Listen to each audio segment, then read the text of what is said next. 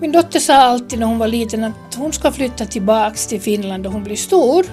Men det blev aldrig så inte. Hon hann dö förrän, förrän hon fick det i uppfyllelse. Det blev aldrig så.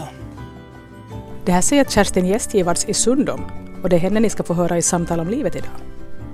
Mitt namn är Ann-Sofie Sandström. I vintras blev jag kontaktad av en Facebookskompis som tyckte att jag skulle göra ett program med Kerstin Gästgivars. Det var i februari när det var väldigt kaotiskt i Tunisien och han sa att den här damen i Sundom hon hade ett barnbarn i Tunisien och att hon också hade en massa annat att berätta. Jag kontaktade henne och vi pratade länge i telefon och eftersom Kerstin snart skulle iväg på en flera veckor lång resa kom vi överens om att jag skulle besöka henne ganska snart. Så en solig men mycket kall dag i februari körde jag till Sundom.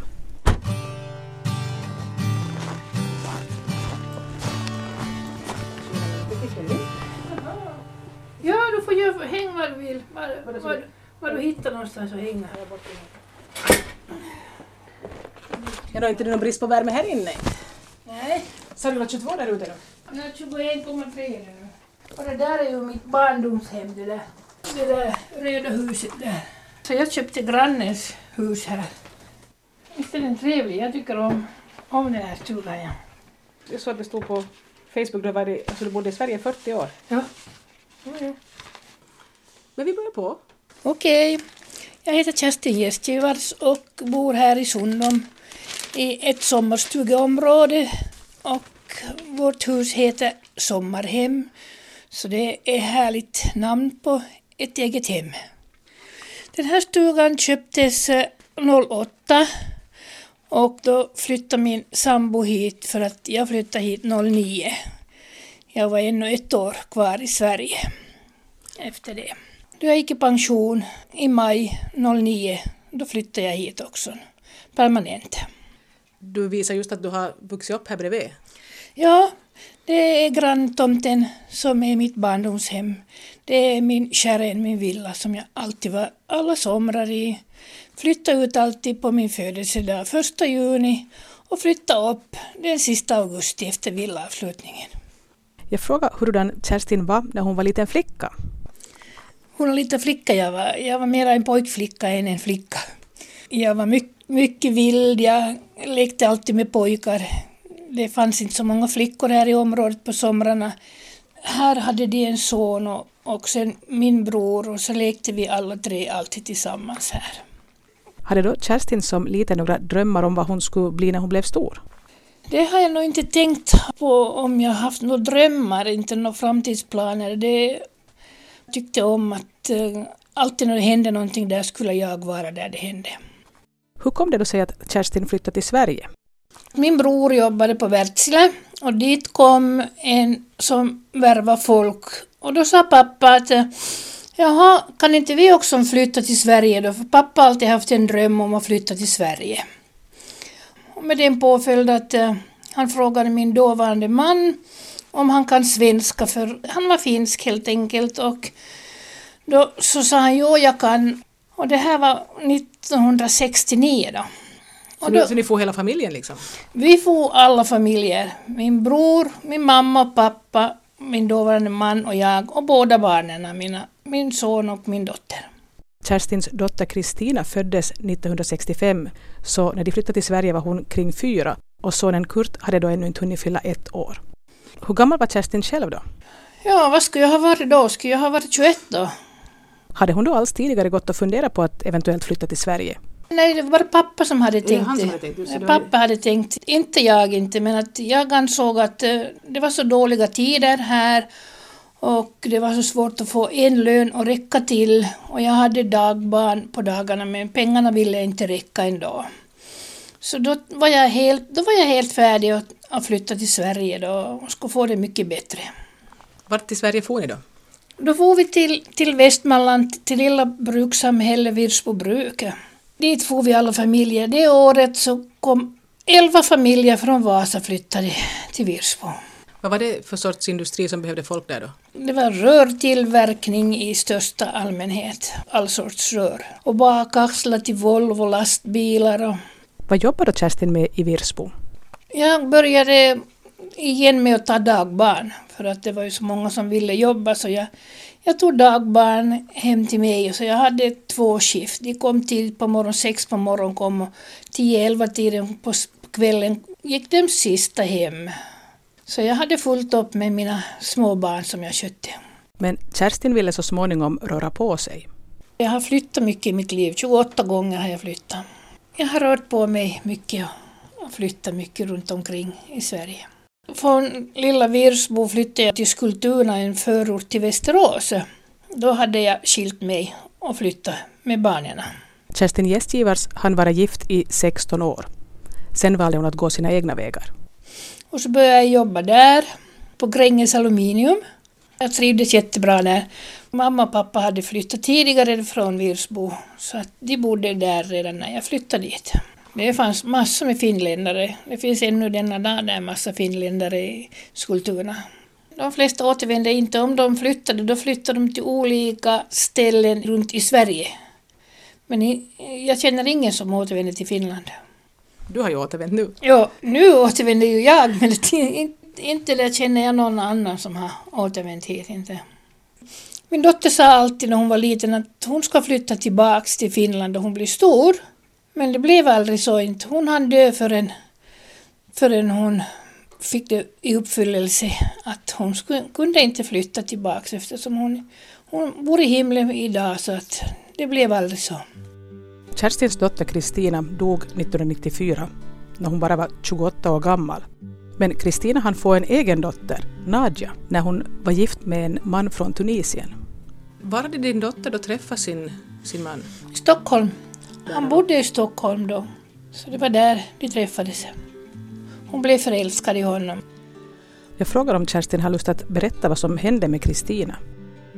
När hon väntade Nadja så sa jag till henne, gå nu och testa dig så du inte är hiv-positiv.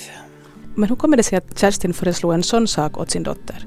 Eh, jag eh, kan känna mycket om jag börjar tänka efter så kan jag känna efter och komma på vad, vad folk har för slag. Jag sa likadant åt min svägerska, ska du vänta barn? Nej, det gör jag inte, sa hon. Så men gå och testa det får vi se.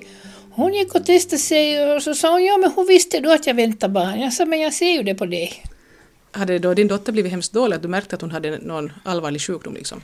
Nej, hon hade inte blivit dålig och ingenting. Absolut ingenting. Det, man märkte det inte någonstans på henne. Inte. Det var bara en känsla jag fick att jag misstänker att hon är HIV-positiv.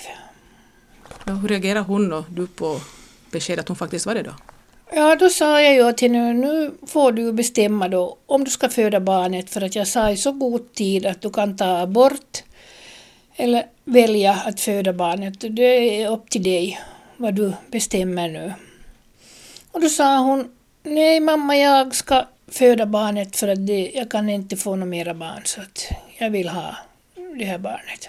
Visste man då om barnet också skulle vara smittat? Kunde man kolla det på förhand? Nej, det visste man ingenting om, om barnet var smittat och ingenting. Det, det kunde man inte kolla någonting. Men när barnet blev fött, då hade vi ju tid på sjukhuset för vi skulle, hon skulle läggas in då och sätta igång verkarna för hon hade gått två veckor över tiden. Med den påföljd att hjärtljudet försvann och då blev det akut kejsarsnitt. Och det tror vi att det var det som räddade henne från att inte bli smittad av sin mamma eftersom hon blev lyft från magen och inte var med i så mycket blod som man kommer ut. Och så fick hon inte ge bröstmjölk åt henne, hon fick bara ge flaska. Så vi, vi misstänker att det är det som har gjort att hon inte har blivit smittad av det. För de två första åren som hon, i hennes levnadstid, Nadja, så körde jag henne till Huddinge sjukhus och de kontrollerade henne varje gång. Och när hon var två år så sa hon nu är det ingen risk mer att hon får den här mamma så nu är hon friskförklarad totalt.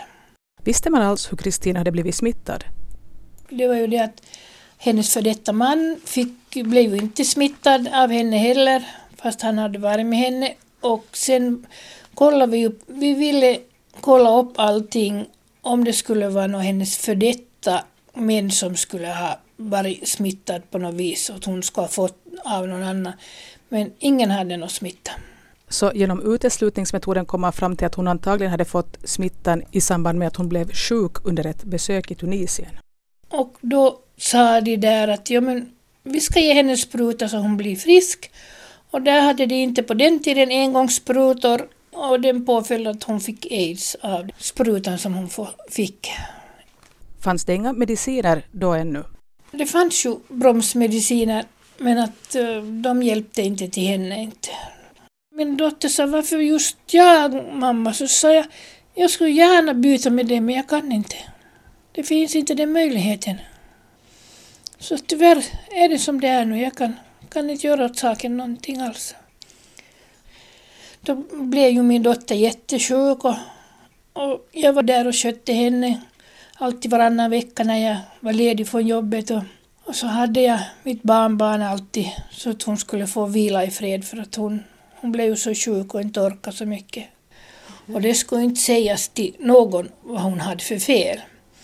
Så till och med hennes bror fick inte jag säga till vad hon hade för fel och hon magrade ju och blev som ett benrangel och, och han var ju arg på henne och sa vad håller du på att banta hela tiden och bråka med henne och hon fick massa med blåmärken överallt för att hon var så dålig. Och jag var så ledsen på henne.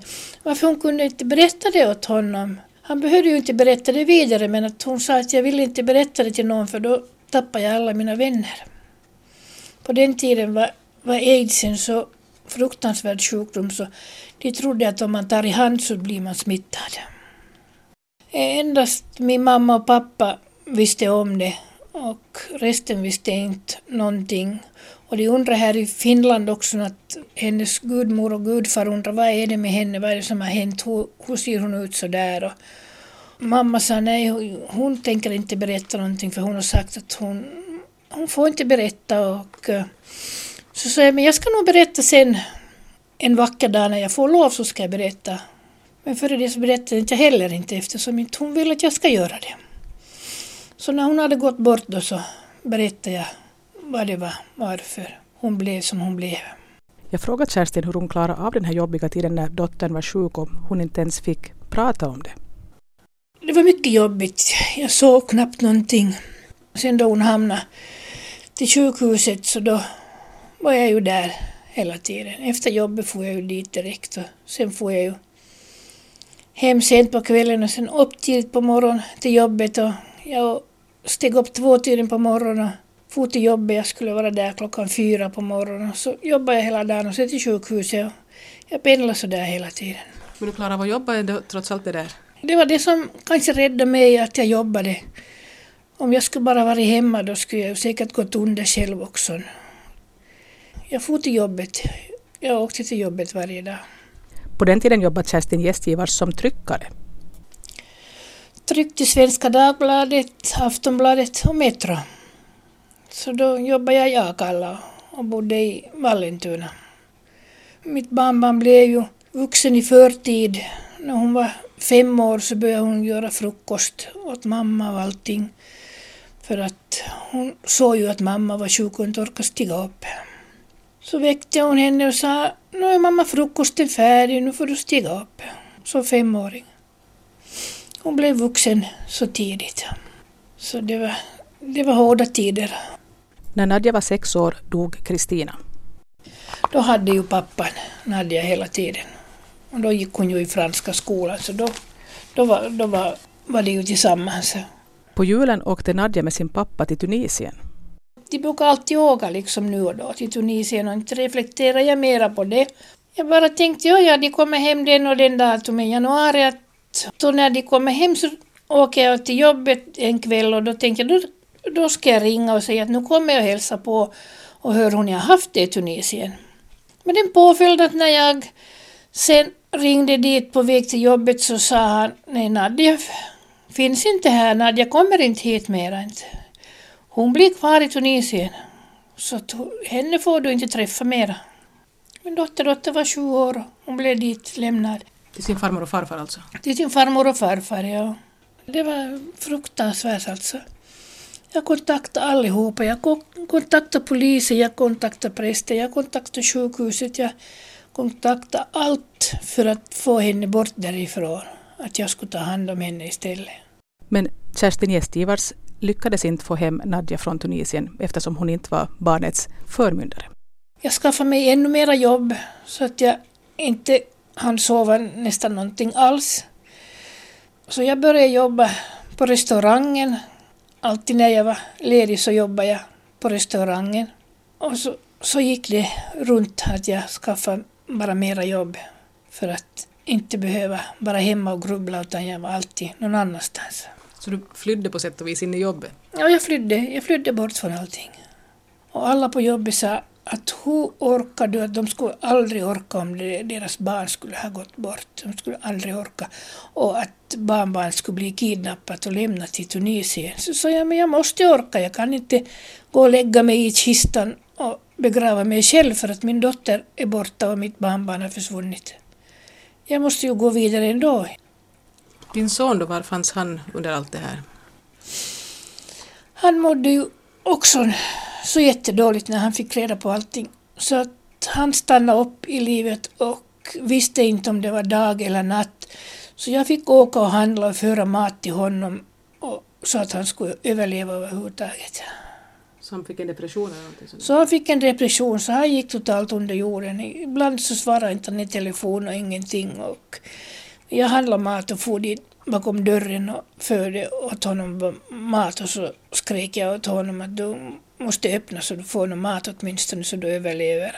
Och en gång kunde det ha gått verkligt illa ifall Kerstin inte skulle ha ingripit. Han kom och öppnade dörren men då var han redan så groggy och så borta så att vi ringde efter ambulansen. Han höll på att ta livet av sig med tabletter. Jag kände det på mig igen att det är någonting som är fel. Så hann jag dit och kom just ambulansen dit. Så han klarade sig? Så han klarade sig. Det, det var en, en grym tid alltså. Så att, ja. ja, inte har du haft en lätt tid där du inte? Nej, nej, jag har inte haft det lätt inte. Det är därför man blir stark för att man måste klara allting. När man har mycket motgångar så blir man starkare i livet. Man blir starkare, man orkar mera. Men tror du att alla blir det eller det att vissa helt enkelt har mera seghet, sån mental seghet än andra? Ja, alla orkar ju inte, utan många går ju under själva också. Det, det, det beror på en själv hur, hur vilja man har, att man ska orka. Jag tog den styrkan på det sättet att det får inte, jag får inte mista båda barnen. Jag måste, jag måste hålla koll på att allting är okej och att han svarar och att, att jag får liksom tag på den som jag söker just då, då jag känner att det är någonting som har hänt. För det är ju bra på det sättet för att jag har ju alltid haft den där känslan att jag kan känna om det är någonting. Så, så då ringer jag på en gång och om inte jag får något svar så gör jag någonting så att jag kommer åt den personen som, som behöver hjälp. Så den gången räddade du honom? Ja, jag har räddat honom. Ja.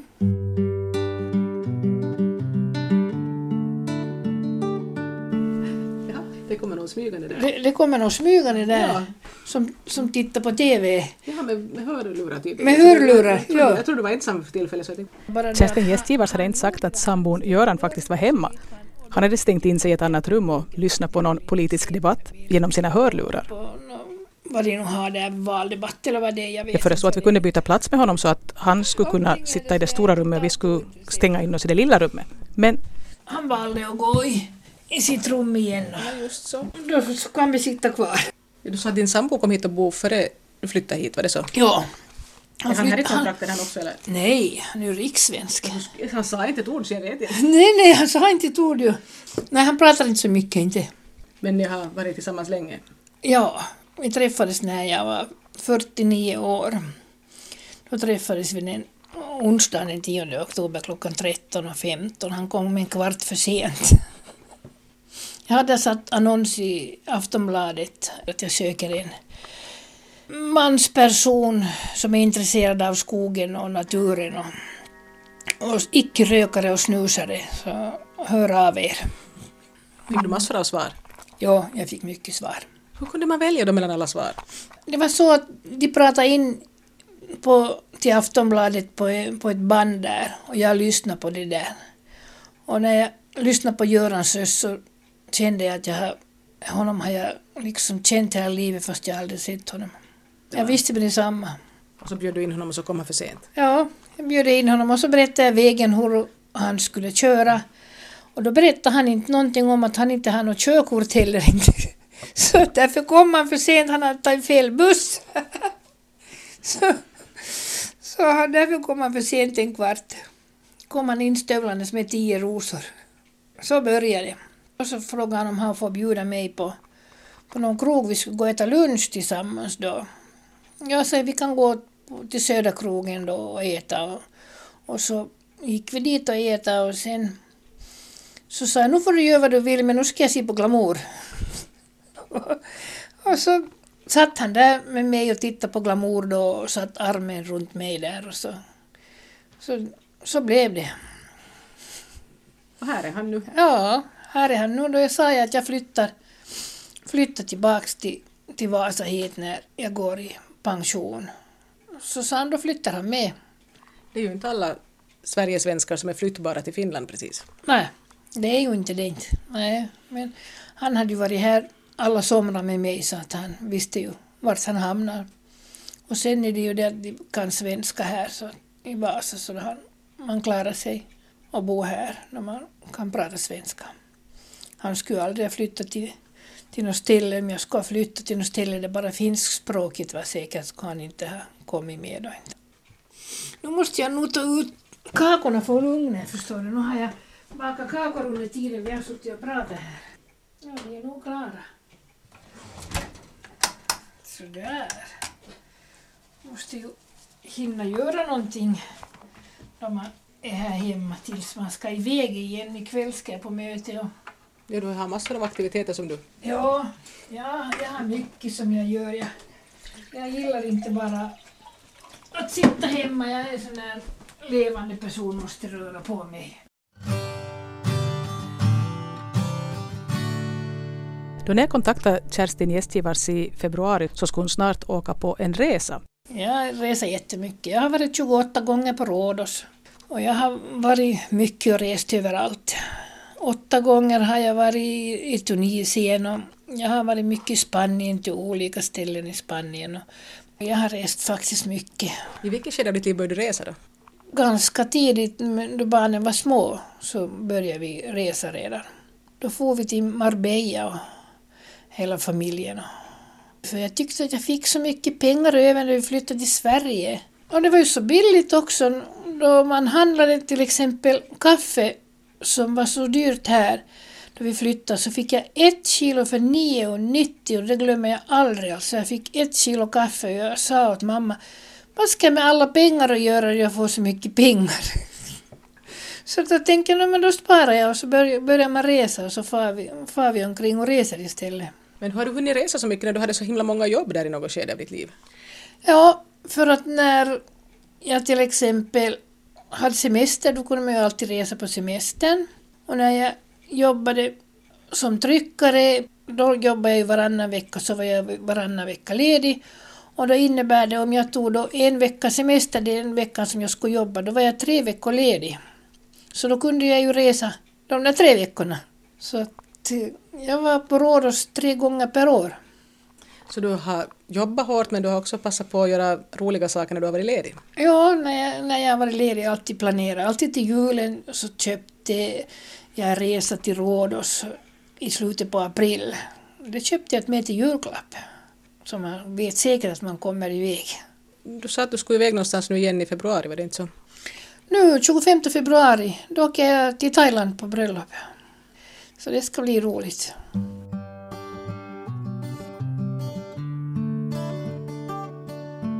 Men hur gick det sen med barnbarnen Nadja, hon som fördes till Tunisien när hon var sju år gammal?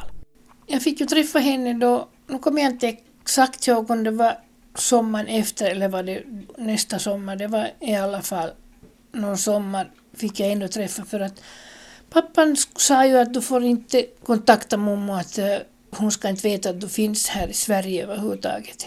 Sa han det åt Nadja? Ja, sa det åt Nadja och Nadja var envis och sa jag vill träffa mamma och jag ska ringa till henne och säga att jag är här.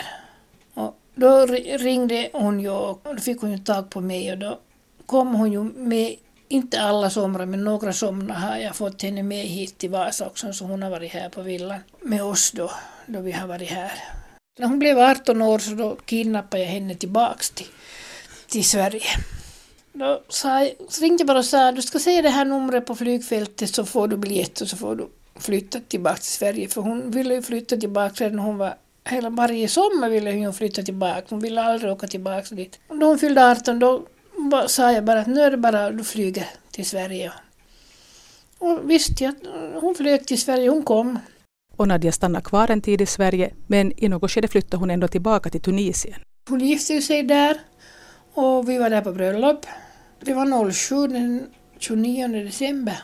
Vi väntade Daniel direkt. Och han, han är så rolig, han pratar alltid när jag ringer till honom så pratar han som bara den i telefon. Och, men på något språk som du inte förstår? Ja, ingen förstår vad han säger. Men han babblar på för fullt. Och nu har hon tagit ut skilsmässa och skilsmässan är inte klar ännu. Hon har ju hållit på med det hela hösten och gått till advokat och tagit ut skilsmässa. Och nu har han bönat och bett hela tiden åt henne att inte skilja sig och att de skulle vara ihop och, och allting. Men att Nadja har sagt att hon har, hon har bestämt sig, det får, det får vara nu att inte. Men är hon inställd på att stanna kvar i Tunisien eller var vill hon vara?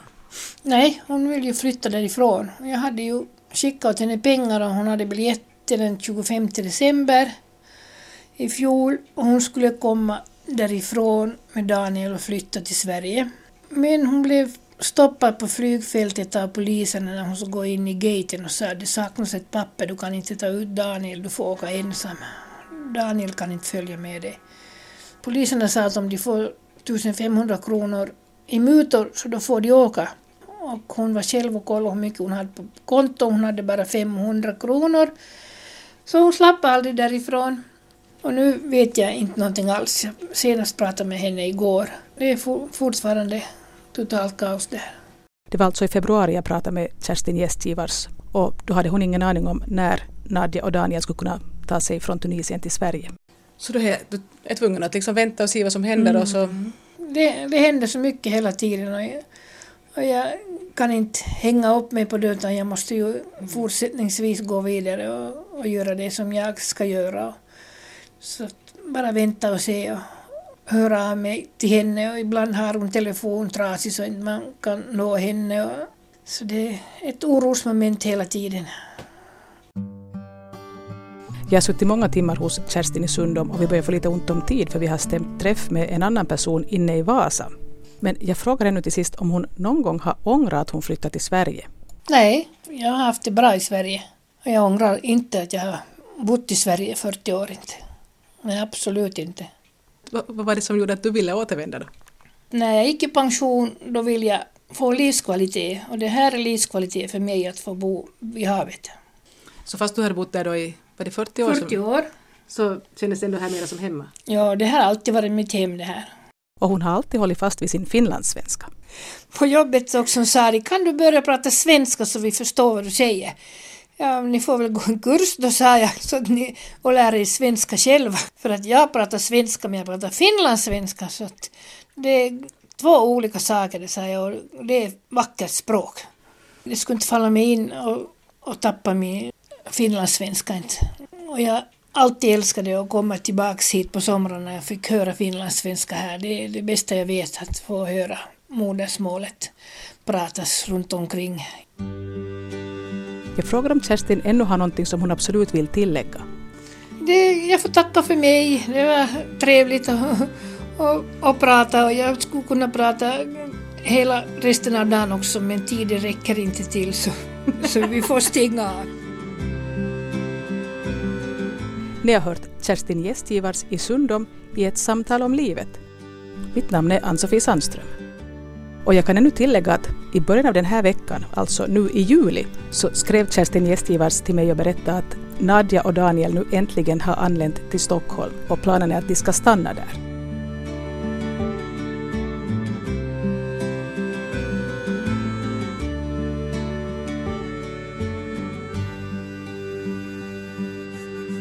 Alla program i den här serien finns tillgängliga på arenan ett år efter att de har sänts.